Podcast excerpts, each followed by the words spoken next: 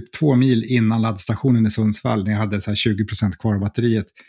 Då var det krock på E4 och eh, ja, hade vi inte chansat och tagit så här små skogsvägar, då, då hade vi blivit stående i 4-5 timmar. Och det hade varit lite lagom kul.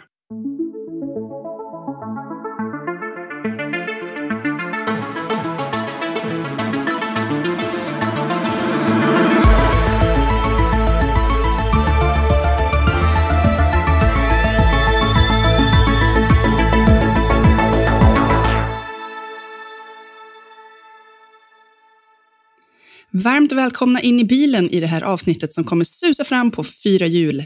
Luta dig tillbaka så kör vi så vi riktigt sugs in i sätena. Den här veckan är det jag, Ida Blix, som sitter bakom ratten med en lätt förkylning. Och med mig har jag Billy Ekblom och Mikael Lindqvist. Billy känner ni ju väl till vid det här laget, men Micke är en ny bekantskap. Och han är chefredaktör för M3, PC för alla och Macworld. Och så testkör han så många bilar han hinner. Hur är läget Micke? Vi har hört att du har blivit insnöad. Jo, det är bara bra här. Men eh, det har varit några intressanta veckor här med lite olika elbilar som eh, vi kan snacka lite mer om. Så himla bra. Hur är det med dig Billy?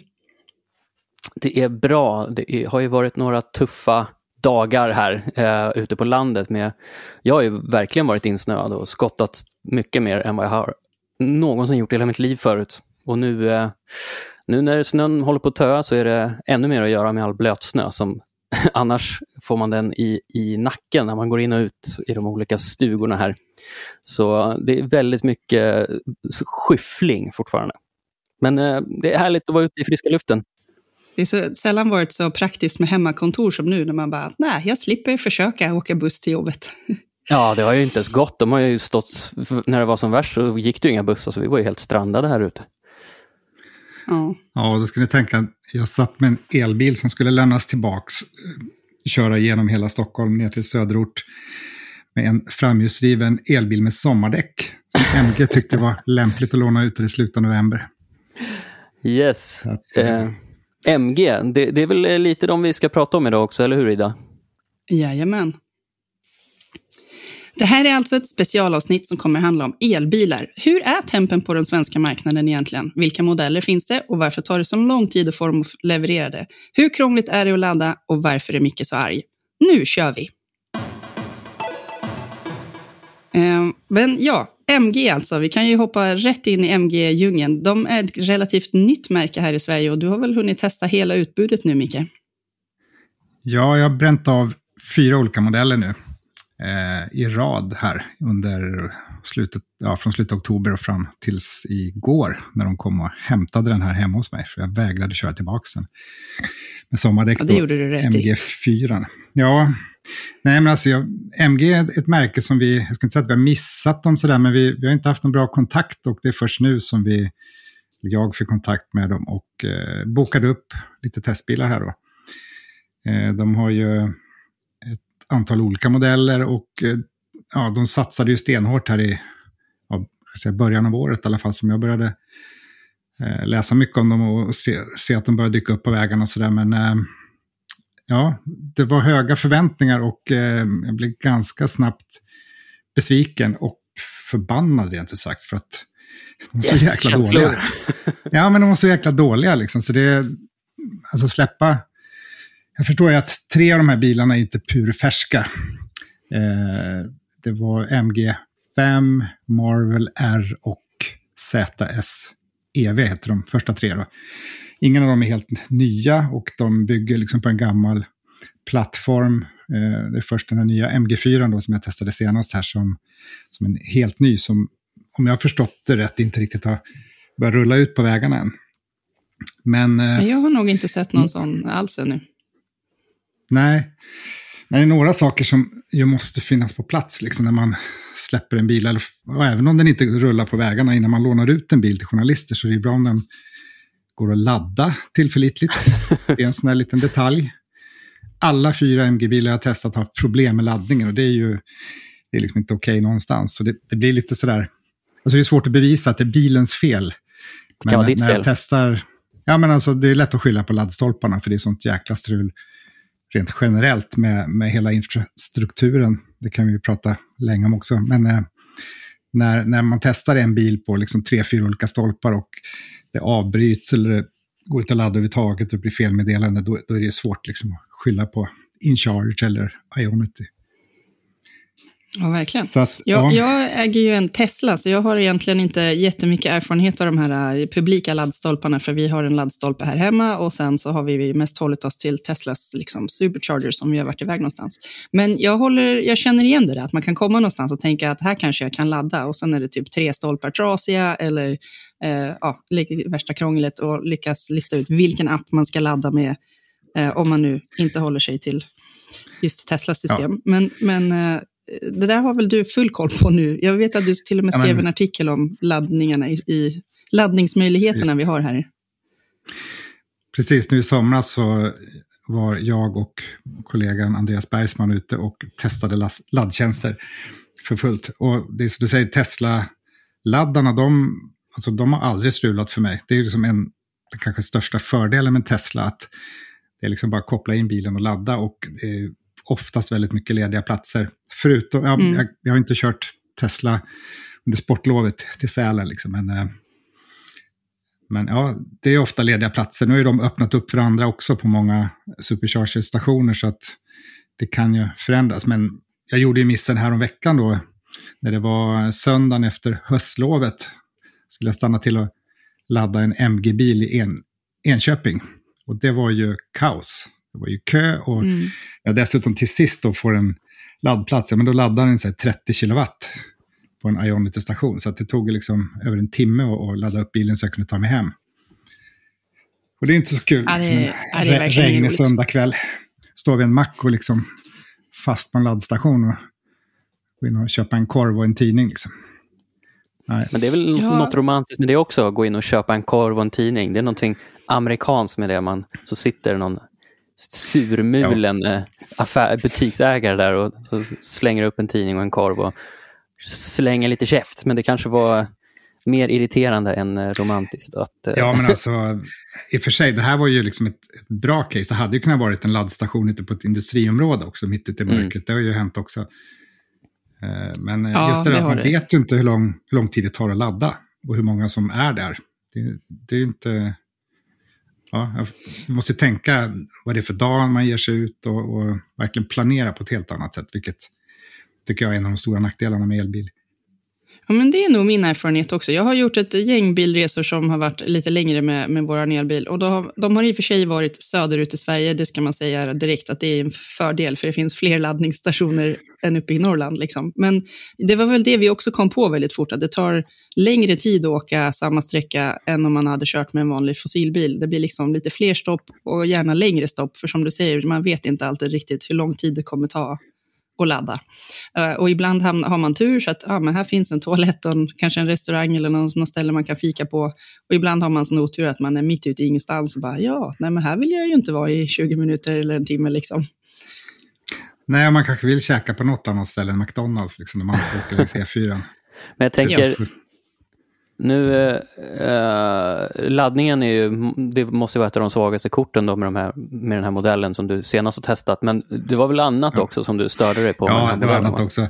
Alltså när de väl laddade så laddade de långsamt, med undantag av eh, MG4 då, som jag testade senast här. Men sen var ju liksom själva gränssnittet, MMI, då, med touchskärmen var ju hopplöst.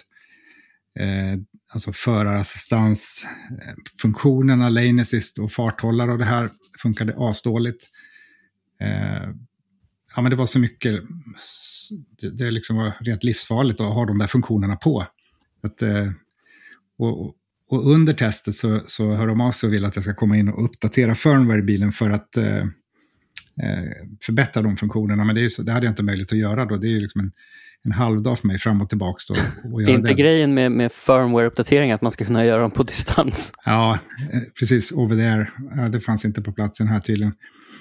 Okej. Okay. Eh, nej, men det, det, blir mycket så här frustration, försöka liksom hitta varje gång jag startar bilen, stänga av lane assist, vilket var liksom en 5-6 tryck på en, på en touchpanel som funkar skitdåligt. Nej, så det var, det var bara, jag satt mycket och svor i den där bilen. Och sen var det jätteskönt att hämta upp en Honda Civic, liksom, eh, bensinare, eh, igår då. Som att komma hem. Inte, Ja, men lite så. Och då ska det mycket till om den ska kännas så här jättekul och skön och spännande. Även om det är säkert en jättebra bil. Men det, ja, nej, det var en hemsk upplevelse senaste veckorna måste jag säga. Men är inte det här lite tufft för, för MG? Alltså de, som jag har förstått det, jag, jag, jag vet inte ens varför jag är med i avsnittet, jag kan ingenting om elbilar. Uh, men, men är inte de lite hypade i Sverige?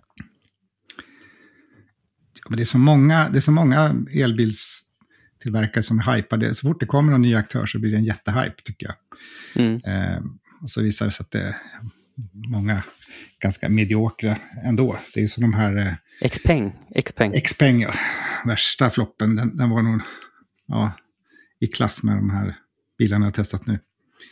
Men visst var det så att den aldrig ens började säljas här efter ditt test? Eller liksom i samband med ditt test kom de, ställde Nej. de väl typ in Sverige-lanseringen?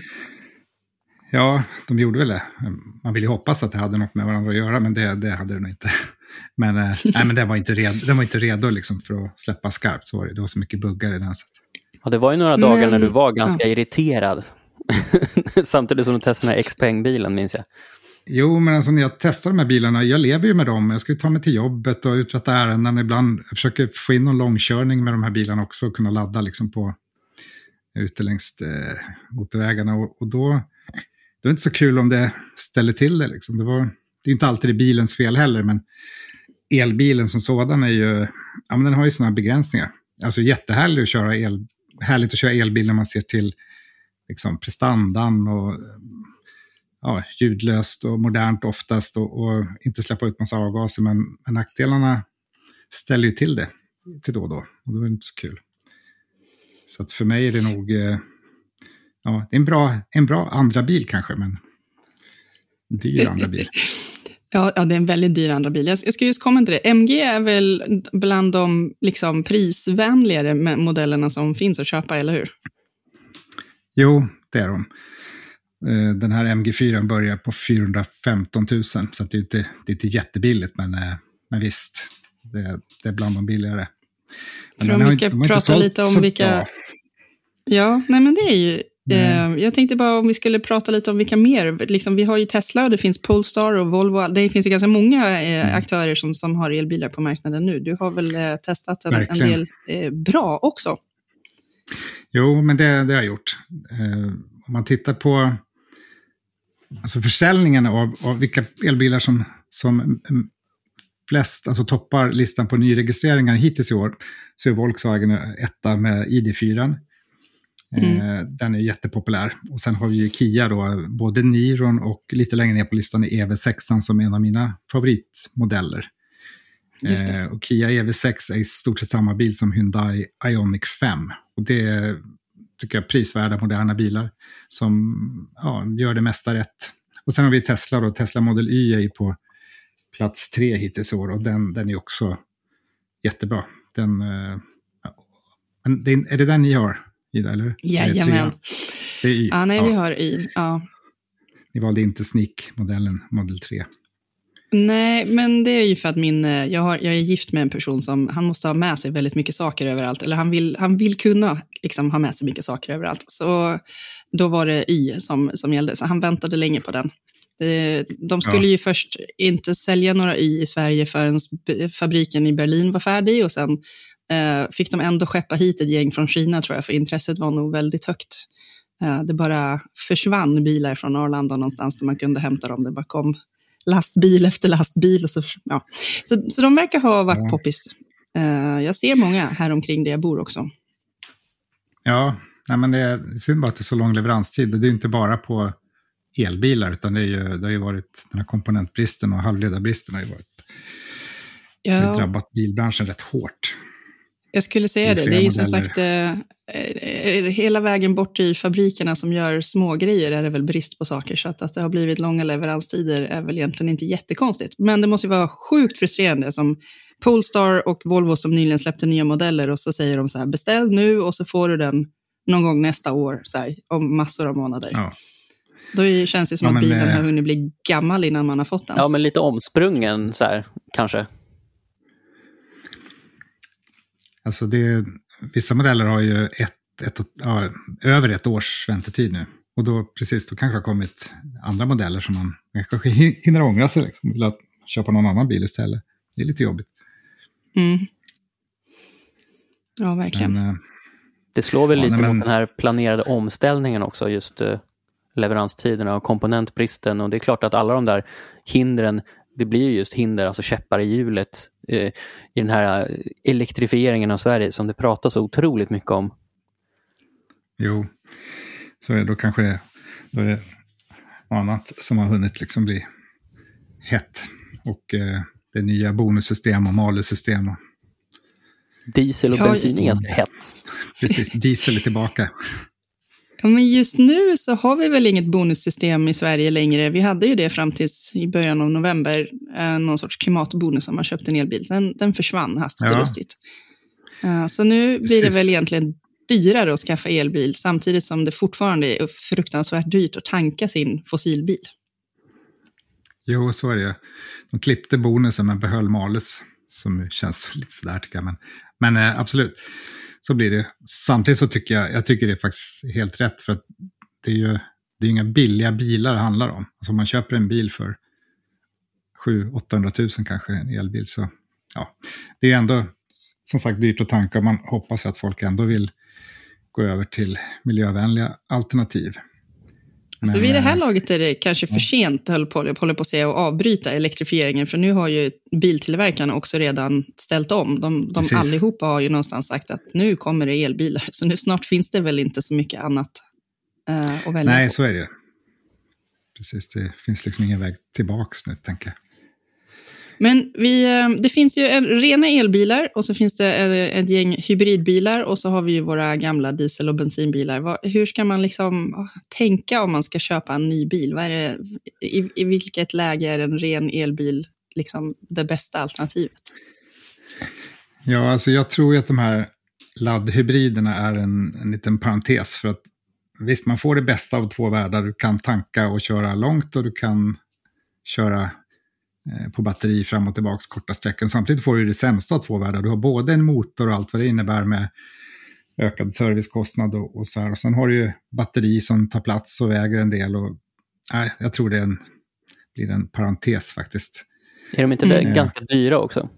Jo, de är ju dyrare och överlag, det ska ju mycket till innan man liksom sparar in den här extra pengen. Om en, en hybridversion av en, av en bil kostar ju en 50 000 mer i regel. Då ska du köra ganska mycket för att spara in det. Liksom. Så att det är väl mycket känslan det handlar om att kunna köra på batteri. Sådär. Det är knappast, tror jag, ekonomiskt eh, eh, någon, vinst i det om du inte har möjlighet att om du kör jättemycket korta sträckor och har möjlighet att ladda gratis. Men eh, sen har vi det här andra segmentet som bara heter hybrider, eller mildhybrider, och det är i princip bensin eller dieselbil med ett lite större batteri eller ett litet extra batteri så att den rullar lite längre när man eh, saktar in i korsning eller men det är fortfarande den typen av bilar. Jag tycker det är lite missvisande att kalla dem hybrider överhuvudtaget. Det är i princip vanliga förbränningsmotorer som Mm. det, det är knappt någon skillnad. Utan nej, men det, det är liksom, nu är det ju, tänker jag, elbil. Det är all in, ren elbil som gäller framöver.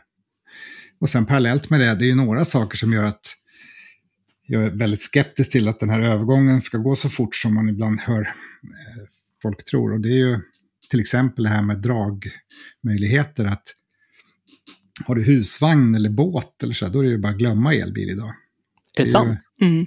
Ja, Är de så får ju klena? dra, det finns ju några som får dra, alltså de får ju dra så här 500 kilo, 700 kilo tror jag, några, men, men alltså om du ska dra en husvagn, även om du köper en stor elbil eh, som får dra mer, så det påverkar ju räckvidden något enormt. Eh, alltså, jag har sett tester i USA när de har testat nya Ford F150 Lightning. Det är alltså elversionen av Fords storsäljare Pickis. Och om man tittar då när de drar ett tungt släp, alltså räckvidden blir bara typ en tredjedel av, av motsvarande bil utan släp. Så att, Det får vara eh, kort till. mellan eh, campingen. Ja, Men det motverkar lite 8-10 syftet med sådana här grovjobbarmodeller. Liksom. Ja, det gör det ju. Alltså, eller så får man ha, köpa en matchande husvagn med ett batteripaket i, i, i golvet då. Men det är inte blir billigt. Det kanske låter finns härligt. eh, en marknad för det här känner jag nu. Ja, Ehm, nej, Ladda men- dubbelt när man kommer hem och mitt i elkrisen och ja, så ska man ha ett Det batteri var- i husvagnen också. Det var också ett av eh, argumenten för att köpa just Model Y. Den får väl dra någonting. Nu är inte vi några husbilsägare eller någonting, men eh, det, den ska i alla fall gå och dra eh, båten med till exempel. Eller någon sån där. Vi har en liten båt ska sägas. Mm. Men, uh, men jo, nej, det måste ju vara en, uh, en svår grej att knäcka. Det finns ju ellastbilar och såna här stora saker. Men de är ju, alltså, på Gotland där jag är född har de till exempel lagt någon sorts väg som laddar sådana där fordon. Så det finns väl andra sätt att göra sådana transporter av jättetunga grejer eldrivna jo. så att säga, än, än en sån batteripack under. Precis, och det, det, är klart det går ju att, att uh, bygga in stora batterier i bilar, men vill man ha en liten Tiguan eller någon alltså, smidig dragbil som många mm. väljer idag för att köra husvagnen på sommaren, då tror jag det blir lite problem om man inte löser det på ja, som sagt, med extra batterier på något sätt. Eller ladda väldigt, väldigt ofta då. Mm. Eh, men ja. En annan, eh, om jag får bara, en annan sak som jag har noterat när du pratar om alla de här bilmodellerna som du testar, det är att en del av dem verkar klara, riktigt, ja, de verkar klara sig riktigt dåligt när det blir kallt ute, vilket det ju har en tendens att bli i Sverige. Jo, så är det ju. Det är ju en väldig skillnad att testa en bil sommartid och vintertid. Därför som vissa modeller har faktiskt tagit in och testat just när det är januari, februari, också för att få en annan bild av hur batteri batteritiden eller, eller räckvidden påverkas. Nu har ju de flesta nya bilar, utom MG förstås, eh, värmepump i bilen. Ja, jo, MG4 har faktiskt det, men de tidigare har inte det. Eh, annars så tar ju liksom eh, värmen, alltså klimatanläggningen, en stor del av, av batterikapaciteten. Vi har ju suttit några vändor liksom, när det har blivit tajt med, med batteri kvar för att ta mig hem, för att sitta i kylan med mössa på liksom, och köra för att för att eh, det har blivit lite tajt. Den säger att den klarar 15 mil och så visar att nej, den gick bara 7 mil. Den bara stänga av värmen liksom, direkt. Och det är inte så kul. Eh, men det påverkar, det tar ju ganska stor del av, av effekten. Vi fick ju våran Model Y en, en, ganska, en kall vinter för ett, ja, det är för ett år sedan ungefär. Eh, och då tappade vi kanske 20 procent i, i range kan man säga. Så det var ganska hanterbart i alla fall. Det, var rätt, det kändes rätt pålitligt. Det var inte som att man körde och så plötsligt försvann jättemycket, utan det var ungefär 20 procent sämre än vad vi har haft det nu när det har varit liksom varmt. Eh, men det var ju mm. definitivt något man behövde så kalkylera in lite grann. Nu tycker jag väl att Tesla gör ett bra jobb med att säga hur mycket som är kvar på riktigt. Eh, det verkar vara bra Precis. siffror som, som bilen själv ger ifrån sig, men det där är ju något som man inte är särskilt van vid från den här bensinmätaren som bara, ja, nu är den snart tom och då, då är den tom. Ja, nej, men jag skulle precis säga det, just Tesla, det är ju också en riktigt bra eh, sak med deras, eh, den här uppskattade räckvidden, den, den, det är verkligen siffror du kan lita på när du kör. Eh, till skillnad från Polestar till exempel, Polestar 2, vet jag, den, den får man hela tiden själv. Alltså den lärdes i alla fall inte under de, jag har testat den två eller tre gånger lärde sig liksom inte att okej, okay, utifrån nuvarande väderlek och mina, mitt körbeteende så kalkylerade inte om uppskattad räckvidd, utan jag fick hela tiden göra huvudräkningen. Okej, okay, det, står, det står sju mil, det betyder fem. Um, och det är ju inte okej okay att behöva göra. Så det, det spädde ju på det... laddångesten. Ja, men verkligen. Är det någon annan tillverkare som, som liksom har samma helhetsgrej som Tesla? Att, att eh, jag, jag, skriver in att jag ska till Malmö och bilen spottar ur sig. Ja, jag rekommenderar att du stannar här och här och laddar. Det kommer ta så här lång tid och sen kommer du fram. Alltså, och, och det klockslaget ja. verkar typ stämma. Inte, inte som gör det lika bra som Tesla skulle jag säga. Det, jag har sett det, nu minns jag inte exakt vad det är för modell. Jag har ju minne som en guldfisk. Men det Eh, för mig, om jag inte minns fel, så har väl eh, tyskarna, eh, alltså Audi och BMW tror jag, jag ska inte svära på det. Men eh, det, det är på gång, men ingen, eh, ingen gör det lika bra som Tesla, absolut. Just det där att du kan, det är som en del av, av, eh, av planeringen av resan. Att, eh, här bör du stanna 12 minuter, ladda upp till den här nivån och så köra vidare. Men jag skulle aldrig lita på den då om det var så här eh, Charge My Hyundai-appen eller, eh, eller InCharge eller någon annan sån tjänst. För att de här samlingstjänsterna som flera av de andra biltillverkarna har, eh, de är inte så pålitliga. Det kan ju vara jag menar var tredje, var fjärde gång kommer jag fram till en laddstation och så är den ur funktion och det ser jag ju inte i appen. Utan eh, det är liksom ett, lite av ett lotteri.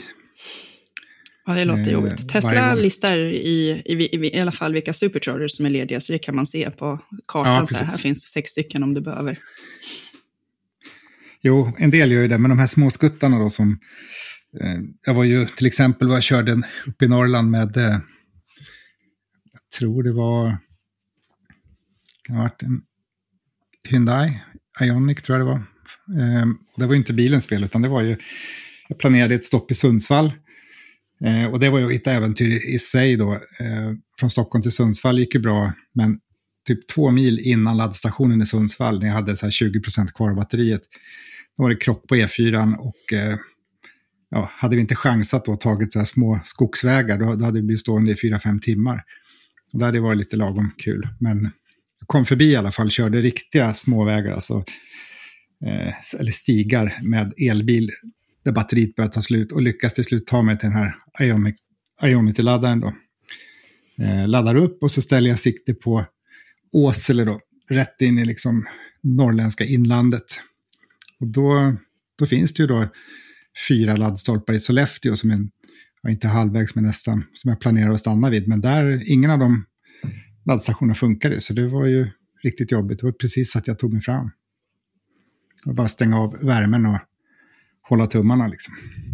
Är det inte då du tar fram dieselaggregatet och liksom börjar ladda med, med det istället? Ja, typ. Jag har faktiskt gjort det i somras. Eh, vi har ju sommarställe uppe i Västerbotten och eh, det är 5-6 mil till närmsta samhälle. Och vi har, det är 12 volt och gasol som gäller där ute i skogen. Och, och, där är det ju svårt att ladda på annat sätt än att plocka fram eh, gamla eh, elverket. Då. Det funkar Det tar lite tid bara. Det känns ju inte helt, helt okej okay heller.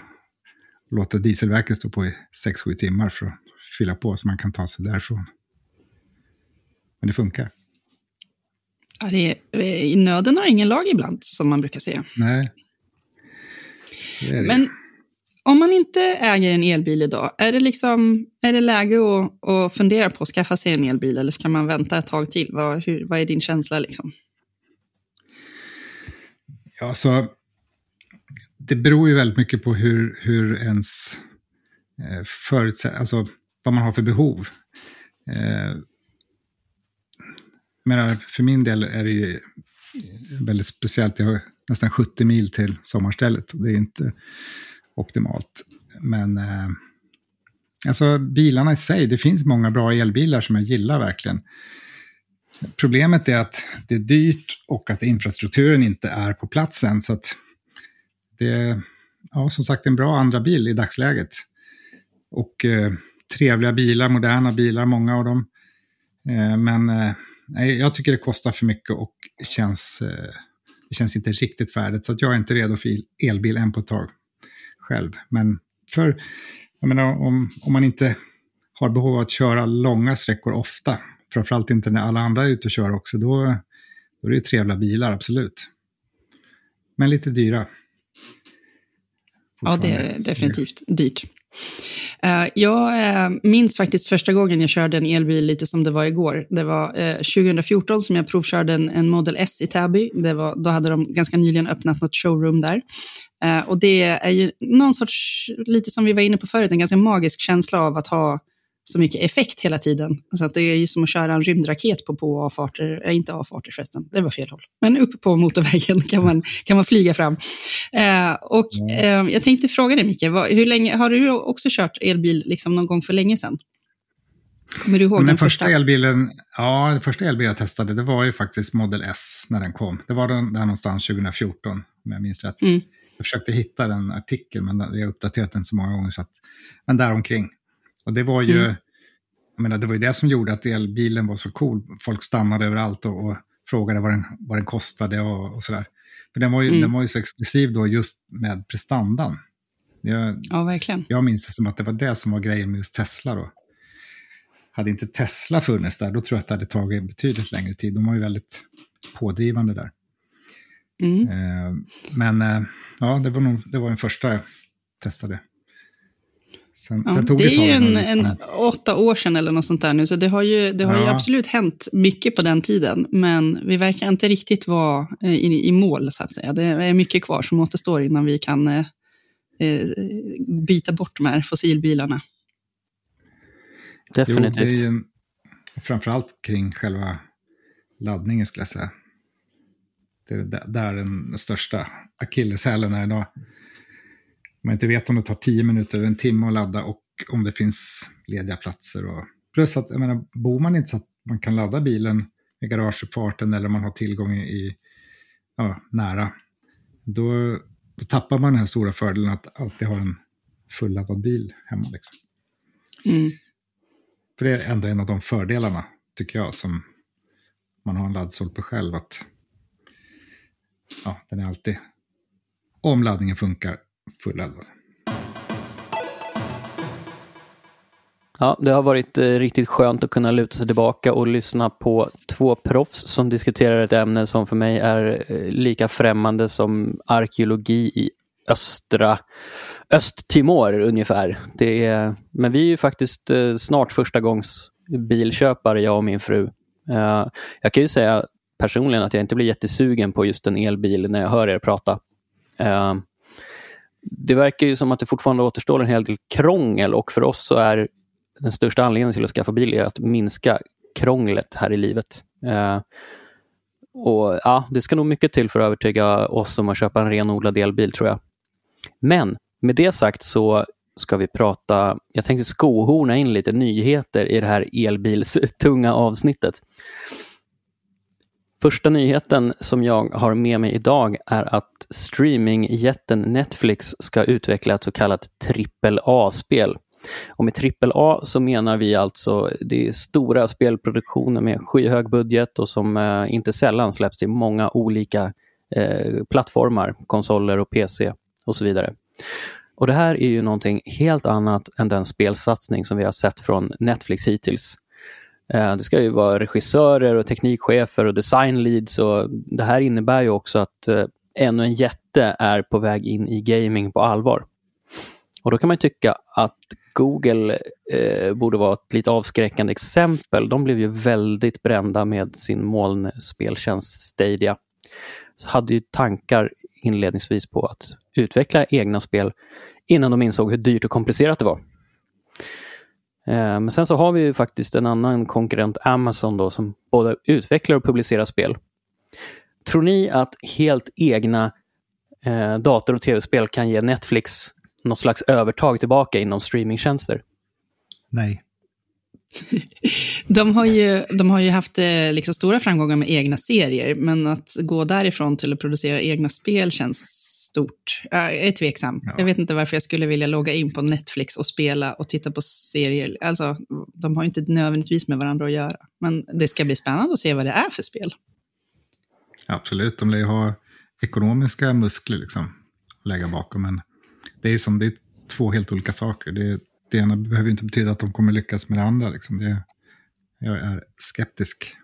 Ja, jag är också skeptisk, men jag tycker alltså det är alltid spännande när det kommer nya aktörer på spelmarknaden. Och nu har väl Netflix, jag vet inte om det är ett år drygt, som eh, har gått sedan de introducerade sin mobilspelsatsning. Då. Det är väldigt enkla eh, lir ofta. Det är mer av en Apple Arcade-konkurrent som vi har sett hittills, men det här skulle ju vara någonting annorlunda då. Eh, och någonting som jag funderar på är ju, om man tänker på, mm, har ni sett Squid Game, tv-serien? Jo, nej. Eller jag, Nej. väldigt lite.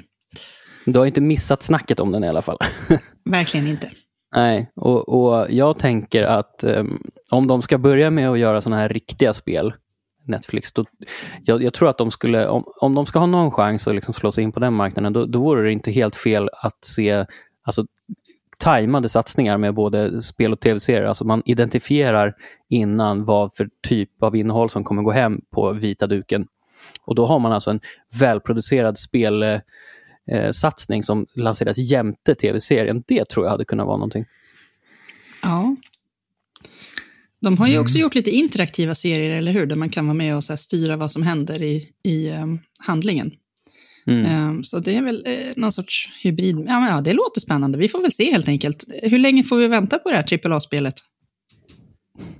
Det är ju just det att Netflix, eh, alltså det här, nu, de söker folk nu. Ja, och, och, det innebär det att om man ska göra ett tri, trippel A-spel så är det nog x antal år bort. Um, ja. Och, och, med tanke på hur, hur hård konkurrensen är inom, inom film och tv-seriestreaming, alltså Netflix är ju på väg att verkligen bli konkurrensutsatta från en mängd olika håll. Mm. Och eh, det blir lite samma problem som, som Meta har med Metaverse, att satsa på ett helt nytt område för att få nya marknader. Men samtidigt ska man ju underhålla det gamla, eller vad man säger. Det, det kan ju alltid vara en svår ekvation att lösa. Vad ska krävas för att du eh, sätter dig och spelar ett Netflix-producerat spel, Micke? Alltså det är, är det ett bra spel, då spelar det ingen roll vem som ligger bakom det sådär. Men eh, jag tänkte på det du sa om att, att synka liksom en film eller tv-serie med ett spel. Tittar man på de filmerna som är gjord utifrån spel har inte det varit speciellt lyckat. Nej. Så det, det, måste liksom börja en, en ja, nej, jag, jag, jag, tänker bara att det kanske har beslutats i något konferensrum att men här är en stor marknad, här, mm. här kan vi ta en, en tårtbit av eh, eh hur svårt kan det vara liksom. Ja, du som chefredaktör vet ju precis hur sånt här funkar. Uh, jag tänker också att Ida säger, du, du är inne på något intressant med interaktiviteten, att uh, Netflix har ju, de var ju tidigt ute faktiskt med den här typen av interaktiva filmer eller filmspel uh, grejen där man får själv styra handlingen i en film, eller vad man ska säga. Och det är inte mm. omöjligt att det blir någon typ av sådan satsning som faktiskt kanske skulle kunna vara ganska nyskapande. För det finns ju mindre produ produktioner med det upplägget, men inget sånt där riktigt storspel. Storfilmspel. Så eh, nej, det ska helt klart bli intressant att se vad det blir av en sån här satsning. Och eh, ska också följa upp en nyhet som vi pratade om för ett par veckor sedan här i podden, nämligen den om att eh, eh, lämnade sina kunder i sticket när en ansluten e-handlare hos dem gick i konkurs helt plötsligt. Det rörde sig om Extra Digital Storage eh, och där då CDON hänvisade drabbade kunder till Konsumentverket och frånsade sig ansvaret eftersom de bara är en förmedlare av själva affären, alltså en marknadsplats. Sen så blev det ganska mycket nyhetsrapportering om det här och jag har varit i kontakt med många läsare som, som har drabbats av den här konkursen. Och läste här om dagen eh, på sajten e-handel att eh, CDON eh, Eh, ja, nu, nu verkar det kanske som att de ska gå ut och ersätta de kunder som har betalat men inte fått sina varor då. Och det, det är ganska, jag, jag, vet inte hur många som har drabbats. De har varit ganska tysta om hela den här grejen, ser om. Det har varit svårt att få några vettiga svar ur dem.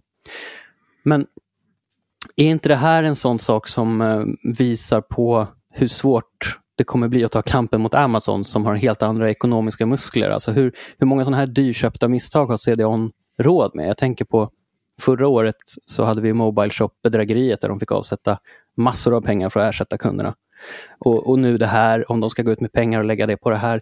Vad, alltså, hur, hur, hur ska det här funka framöver egentligen? Ja, alltså varumärket har ju fått en ordentlig törn. Det är ju, även om de liksom ekonomiskt har råd att ersätta de här kunderna, vilket ju är en självklarhet. Men eh, det tar ju tid att bygga förtroende igen. Det, det är väl den stora delen. Och de har ju, de har ju konkurrens från flera återsäljare som verkligen lyckas liksom med sitt arbete och jobba nära, nära köparna. Och, och liksom, ja, det finns ju alternativ till CDON, så det blir nog tufft.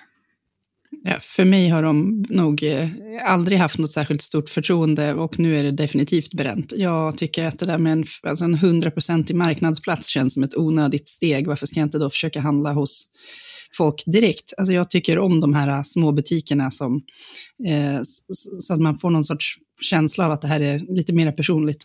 Och om de inte har grejerna eller om det är radikalt mycket billigare på ett stort ställe som Amazon där man vet att grejer funkar, ja men okej, då kanske jag köper grejerna där istället. Men annars är det ju mycket trevligare att premiera en, liksom, ett mindre företag som sköter sina affärer och service och support och allt det där snyggt.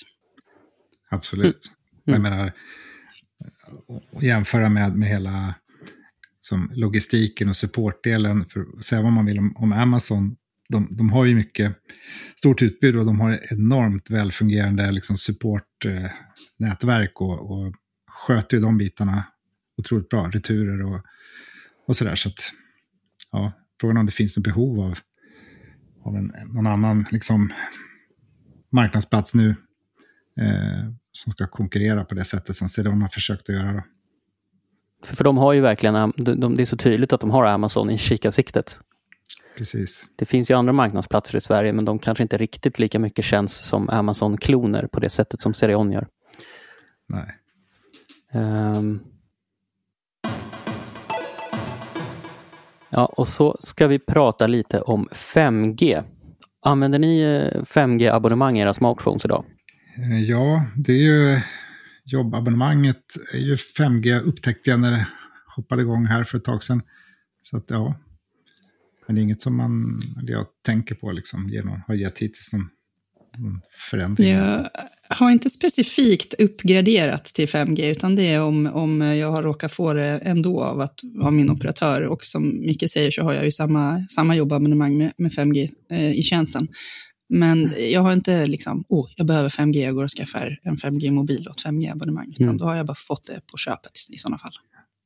Men ni som har varit med i svängen i några år, precis som jag, minns ju hur, hur snacket gick för ett par år sedan bara. Hur, hur stor hypen var. Alltså alla ville ju prata om 5G. Uh, mm. Mobiloperatörer världen över har gjort snordyra satsningar på 5G-nätverket. De har också lanserat uh, väldigt tydliga såna här abonnemangspaket mot konsument. Men nu rapporterar Financial Times att eh, de flesta konsumenter verkar tycka att 4G är lagom snabbt. Och, eh, det finns också analytiker, tyckare som ifrågasätter innovationstakten hos tillverkare av konsumentprylar. Alltså för att de, de, inte använder... Det finns liksom inget bra use case för att man ska skaffa 5G idag riktigt.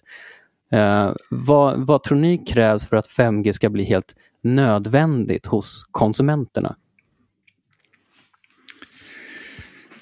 Ja, men det måste bli någon stor skillnad i, i alltså hastigheten, det är ju som du säger, det är ju inte, alltså 4G räcker ju för de flesta. Eh, det är väl mer, tycker jag, den här, eh, alltså eh, snabbare accesstid och lägre ping om man spelar och sådär. Men för mig handlar det, det är ju tillförlitligheten. Jag vill ha täckning och tillförlitlighet. Och det här med att, att 5G skulle vara ett alternativ till fiberanslutning, den, det snacket dog ju helt ganska snabbt.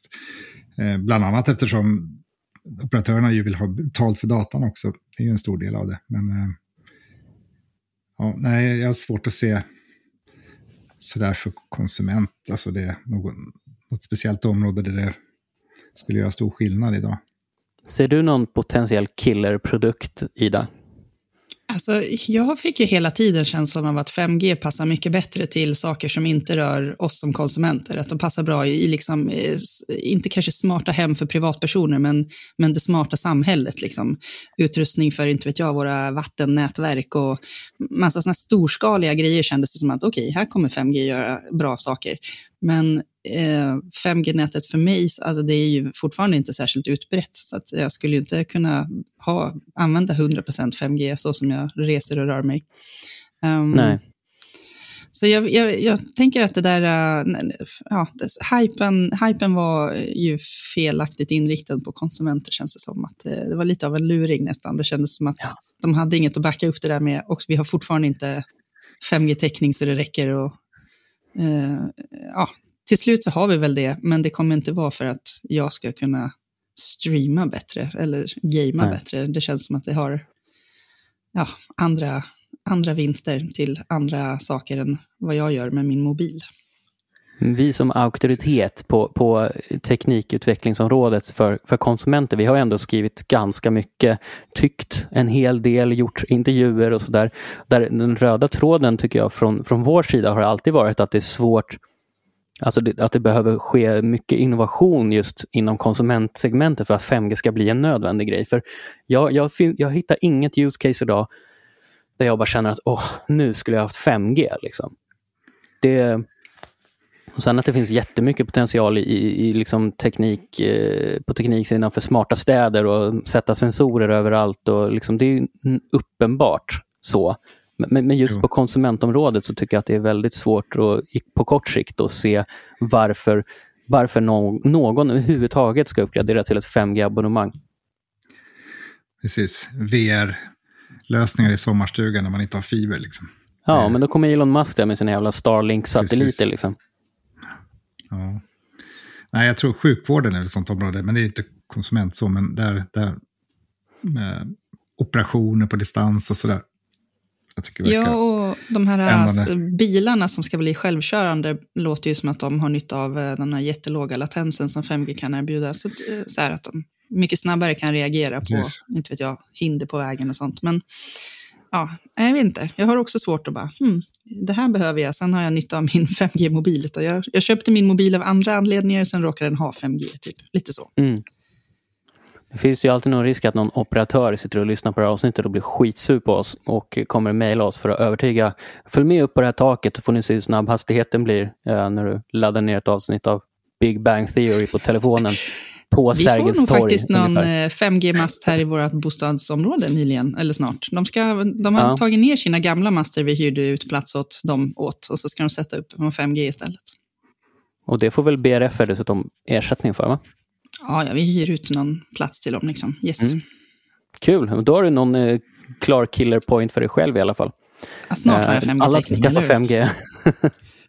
ja, men eh, vi, vi, kan väl knyta ihop den säcken med att säga att vi instämmer i att eh, hypen kring 5G har definitivt bromsat in på konsumentsidan och det är tämligen välförtjänt.